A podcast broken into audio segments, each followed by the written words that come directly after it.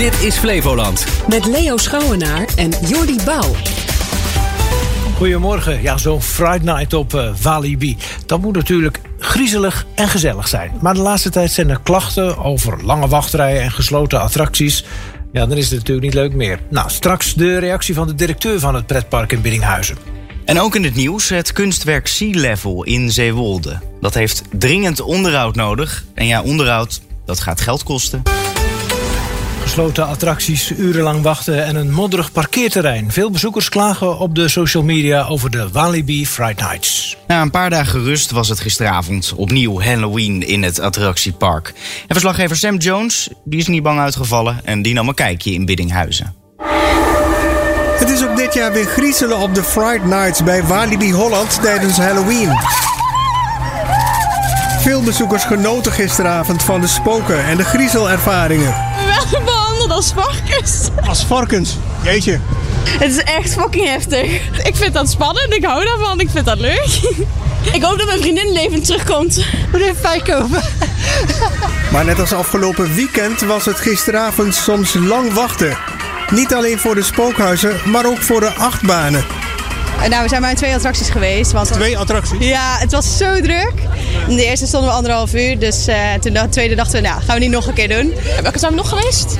Ik weet niet hoe die heet. Goliath volgens mij. Maar ja, er stond zo'n lange rij. Dus uh, we hebben daarvoor gewacht. En nu zijn we gewoon scaresondes aan het pakken. Hartstikke leuk. En er zijn mensen die attracties maar overslaan... omdat je wel twee uur in de rij moet staan wachten. Directeur Masha Taminal van Walibi Holland heeft daar een verklaring voor. Nou, er zijn wel eens behoorlijke wachtrijen, inderdaad, dat klopt. Maar dat heeft veel te maken met uh, uh, dat de attracties heel erg uh, in de smaak vallen bij gasten. Soms hebben we een storing, dan hebben we even een achterstand in, ja, in het draaien van de achtbaan. Dat proberen we dan zo snel mogelijk weer in te halen. Dus dat soort zaken. En zijn alle attracties open? Want ik hoorde dat er een paar dicht zijn. Een paar zijn wel dicht, maar ik weet niet waarom. Wat vind je ervan? Ja, jammer. Die attracties zouden gesloten zijn vanwege de vele zieke Walibi-werknemers. Maar volgens de directeur ligt dat net iets anders. Nou, vanwege ziekte weet ik niet zozeer. Maar dat het moeilijk is om de juiste mensen te vinden, dat is zeker zo. We hebben in onze plannen ook rekening mee gehouden. En, dat, uh, en we hebben een aantal kleinere attracties gesloten omdat we ons, onze medewerkers liever op andere plekken inzetten. Ook werd het afgelopen weekend op de sociale media geklaagd over modderige en blubberige parkeerplaatsen. Zeker weten heel irritant. Dus we hebben sowieso een ploeg daar paraat om alle minuten uh, ja, gasten die een probleem hebben met hun auto in de modder om die daar uit te halen. En dat is natuurlijk helemaal niet het scenario wat je wenst. De bezoekers van gisteravond hadden niet zoveel te klagen en genoten vooral van het griezelfestijn. Wij gaan nu naar de Nightmare Zone, dus dan gaan we Oeh. daar nog even kijken. Ja, leuk. Ja, gewoon voor de tweede keer. Ja, we willen toch nog even gaan kijken. Het landschapskunstwerk Sea Level, de grote betonnen muur in Zeewolde, die moet worden opgeknapt. De renovatie plus het onderhoud voor de komende jaren gaat in totaal 1 miljoen euro kosten. Sea Level is in 1996 gemaakt door de Amerikaanse kunstenaar Richard, Richard Serra. Ik moet het wel op zijn Amerikaans zeggen natuurlijk. Yes. De bovenste rand van de 600 meter lange muur geeft aan hoe hoog het water zou komen als de dijken zouden doorbreken. Zeewoldenaren denken heel verschillend over het kunstwerk. Ja, ik vind het wel mooi. Ja, ik vind het wel heel bepalend, ook voor het landschap. Ik vind het geen mooi blauw beton hier in het, uh, in het landschap. Over smaak valt zeker wel te twisten. Maar de kosten van 1 miljoen euro, daar zijn de Zeewoldenaren het snel over eens. Hmm. Ja, dat vind ik wel erg veel. Ik vind het nergens op slaan. Wordt hij helemaal afgebroken? Is het echt zo? Is er geen andere mogelijkheid om het uh, op te knappen? Afbreken en weer helemaal opnieuw opbouwen. Daar heeft de gemeente voor gekozen. Wethouder Erik van de Belt toen het kunstwerk werd neergezet, uh, was hij natuurlijk heel mooi en gaaf. En dan mag hij wel een poetsbeurt ge gebruiken. En dan zeg ik dat heel netjes. Uh, nee, er is uh, een keer graffiti opgespoten. En dat is nou, verwijderd. Het is overheen geschilderd. En nu begint hij echt te degenereren. Het goede nieuws is dat de renovatie van Sea Level de Zeewoldenaar geen cent zal kosten. De kunstenaar zelf, Richard Serra, wil 750.000 euro betalen uit eigen zak. Voor het overige geld wordt subsidie bij de provincie aangevraagd. Totale kosten dus 1 miljoen euro. Enorm veel geld voor een muurtje. Ja, dat is een heel, heel veel voor een muurtje. Maar het kunstwerk, dat, uh, als we nu vandaag opnieuw als opdracht zouden geven aan deze kunstenaar, dan betaal je ongeveer 10 miljoen. Het is een uh, heel uh, beroemd kunstwerk uh, van Richard Serra. Als je daar langs loopt of daar staat, dan ervaar je echt hoe het is om onder zeespiegel te leven. Dus als de dijken door zouden breken, dan staat het water tot aan de bovenkant van het kunstwerk. Hoor de Chinezen, Japanners, et cetera, komen hier altijd met bussen kijken, zegt men. Ik heb ze nog nooit gezien. Ik denk dat het wel waard is. Ja, Ja, toch wel van een eh, zeer bekend kunstenaar. ja zeker. Dat ze af en toe er even overheen gaan om de graffiti weg te werken, prima. Maar eh, renoveren voor een miljoen? Absurd.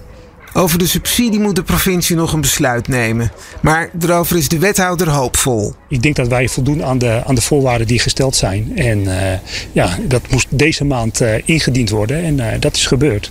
En dan wachten we daarop af. En ondertussen gaan we kijken of we de boel eh, op de rails kunnen krijgen om het kunstwerk echt langdurig te behouden. Wethouder Erik van der Belt van Zeewolde en een bijdrage van verslaggever Roger Dankenlui. Dat heb je gisteren gemist op radio en tv. En langs de lijn en omstreken spraken ze met Thierry Baudet van Forum voor Democratie. Die kreeg gisteravond een eh, harde klap bij de ingang van de Universiteit van Gent... waar hij een lezing ging geven. Het ging heel snel. Eh, ik kwam aanlopen inderdaad. En eh, toen sprong iemand uit de linkerkant op mij af met een, en wat later bleek, een, een, ja, een soort paraplu. Ik had niet echt door wat er gebeurde, maar ik werd meteen meegenomen door de beveiliging het gebouw in.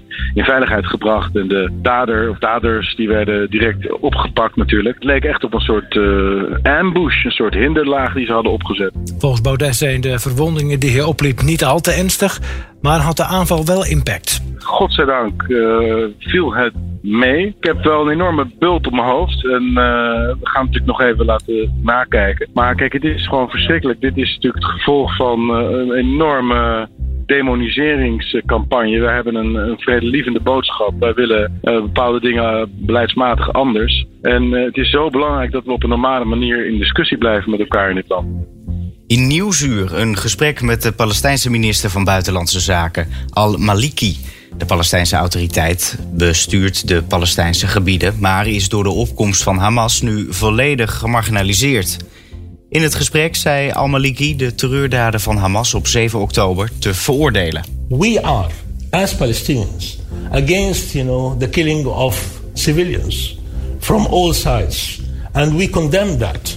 Do you condemn the Hamas terrorist attacks? I condemn the killing of civilians. Ja, we zijn als Palestijnen tegen het doden van burgers aan alle zijden. En dat veroordelen wij. Dat zei hij zojuist in het Engels. Maar Al-Maliki zei ook dat Israël die aanval als excuses gebruikt om nu Gaza te vernietigen en alle inwoners weg te sturen. Iets wat ze tijdens de laatste zes oorlogen niet konden doen. What happened on the 7th of October for them was uh, uh, uh, an, an excuse to do what they could not do in the last six wars in terms of go massively, destroy everything, you know, in Gaza and uh, transfer people uh, outside of Gaza. Dat was op tv. Terug nu weer naar de radio. Wanneer een vogel tegen je ruit vliegt, dan schrik je. En voor de vogel zelf is het meestal fataal. Je kunt vogelstickers op de ruit plakken om dit soort botsingen te voorkomen. Maar die oplossing is een druppel op een gloeiende plaat. Vertelde Hanne Tersmette van de Vogelbescherming bij Langs de Lijn en Omstreken. En je moet je voorstellen dat zo'n vogelsticker vooral op een kleine oppervlakte werkt, hè, met een klein raam. Uh, en het, het, grote probleem bij vogels die tegen ruiten aanvliegen zit toch heel erg in grote gebouwen. Met, uh, nou, je, je kent de, de Zuidas als je dat voor je neemt. Met van die grote glazen raampartijen. Nou, dat is natuurlijk ook heel erg uh, design tegenwoordig om zoveel mogelijk glas te gebruiken. Ja, dat plak je natuurlijk ook niet helemaal vol met die vogelstickers, met die raamstickers. Uh, en dat zijn wel serieuze problemen, ja. Al die hoogbouw is dus slecht nieuws voor de vogels. Er zijn niet keiharde cijfers voor. Uh, het gaat om honderden duizenden, honderdduizend vogels ongeveer op jaarbasis is de schatting. Maar we zien wel dat er rondom dat soort gebouwen dat daar wel vaker inderdaad raamslachtoffers vallen. En dat heb je gisteren gemist op radio en tv. Het is deze week 25 jaar geleden dat Tollebeek werd opgeschrikt door een grote wateroverlast. Alle overvloedige regen in Noordoostpolder stroomde naar het laagste punt. Tollebeek, ja, kelder stroomde onder, straten stonden blank en akkers veranderden in meren. Hajo Apotheker was nog maar pas minister van Landbouw en zag grote stukken grond onder water verdwijnen. Nu, 25 jaar later, staan de beelden nog scherp op het netvlies van de oud-bewindsman. Ja, het komt allemaal terug. De hectiek en uh, ja, toch ook de samenhang van niet alleen landbouw en volle grondsgroenteschade, maar ook maatschappelijke ontwrichting. En, en die dingen kwamen samen, vooral hier in het noordoosten van het land en vooral ook hier in de regio Meppel, Emmeloord, Tollebeek. Dus ja, het, het, was begonnen in het Westland hè, in september, dat vergeten we wel eens, dat is op Prinsjesdag. En toen was het echt een, een, de schade van de, mens, de, de agrariërs daar, de volgrondsgroentemensen. Toen heb ik ook gewoon, toen nog alleen als landbouwminister gezegd, ja hier moeten wij wel iets aan doen. Dus toen kwam die discussie op gang. Is de oogschaderegeling voldoende? Die was al jaren niet gebruikt. En die moest verbreed en verdiept worden. En toen zijn die criteria ook ontstaan. En uh, daarom denk ik dat het heel goed is om dat in samenhang te zien. Door de derde dinsdag in september met de, Zuidwest-Nederland de hevige regenval... kon er door mij een discussie opgestart worden van wij moeten iets doen aan oogschade. Op een nieuwe manier en niet met de oude wetgeving die niet toepasbaar is. En dat gebeurde. Na de wateroverlast in het Westland komt minister Apotheker met de WTS. Dat is de wet toepassing schaderegeling.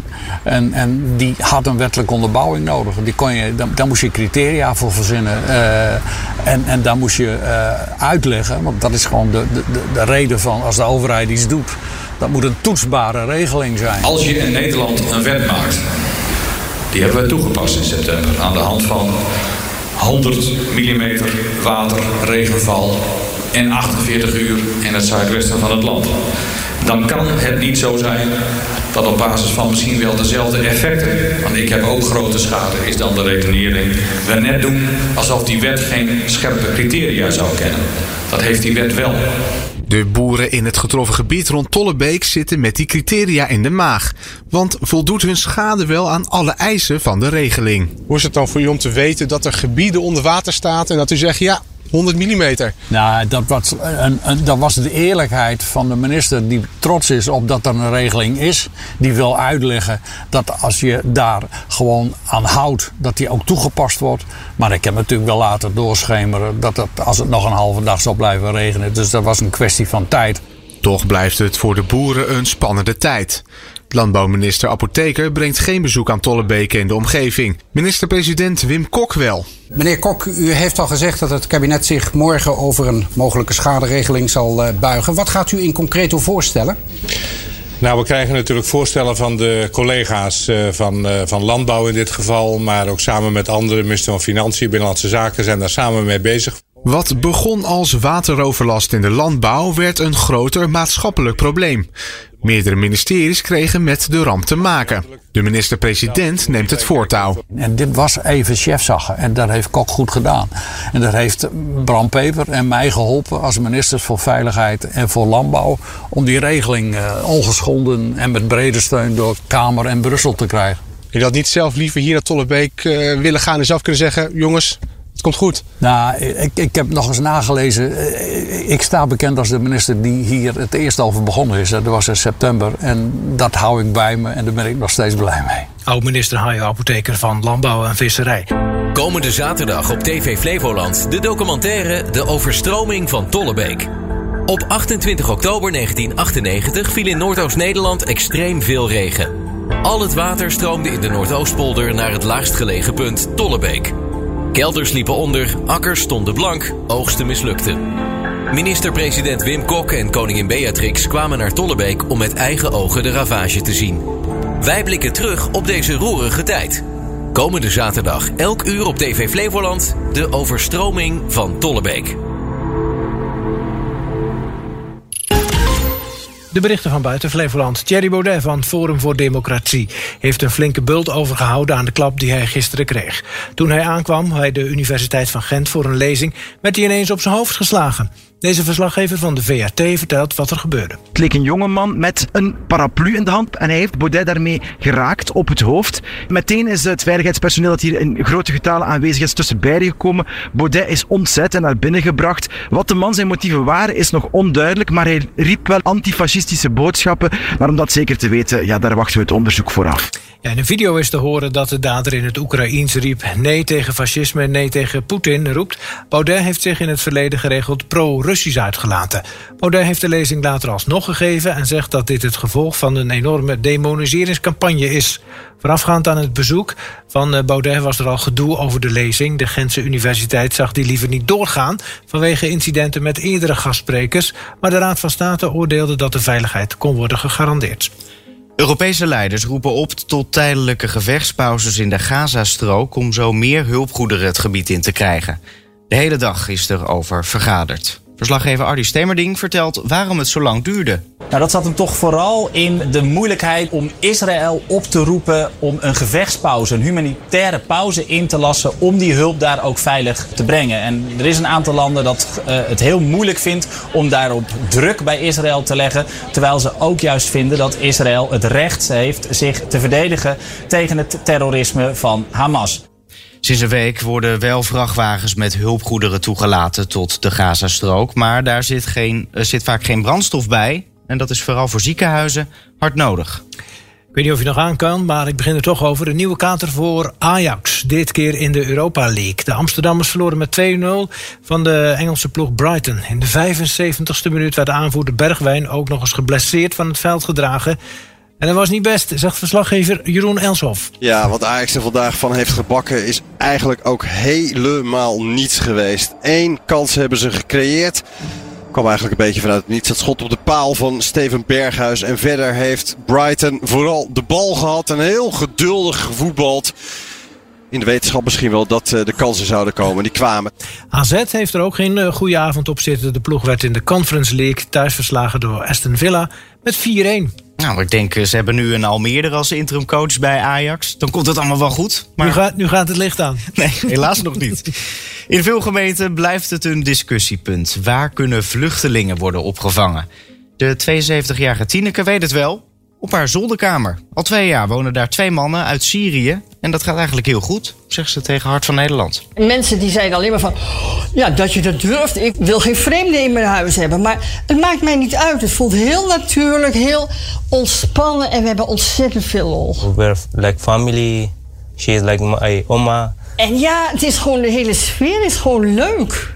En daar knapt de mens van op. Nee, ze, ze, noemen haar al oma. Ja, wat leuk is dat, hè? Daar ja. knapt de mens van op. Maar je kunt niet met de zolle hoor. Ze heeft wel wat regels. Oh, oh, oh. Zo moeten de verwarming en de lichten uit als ze niet op de kamer zijn. En, s'nachts, de deur op slot. Heel goed. Dat waren ze. De, de berichten van buiten Flevoland. Juist. Komende zaterdag ben je weer welkom in het Weekendcafé. Wij zijn live te zien en te horen vanuit de Botterschuur op Urk. Praat mee over actuele zaken in jouw gemeente. Of luister naar interessante, bijzondere en opmerkelijke Urkers. Het Weekendcafé. Elke zaterdagochtend tussen 10 en 12 bij Omroep Flevoland op radio, tv en het wereldwijde web.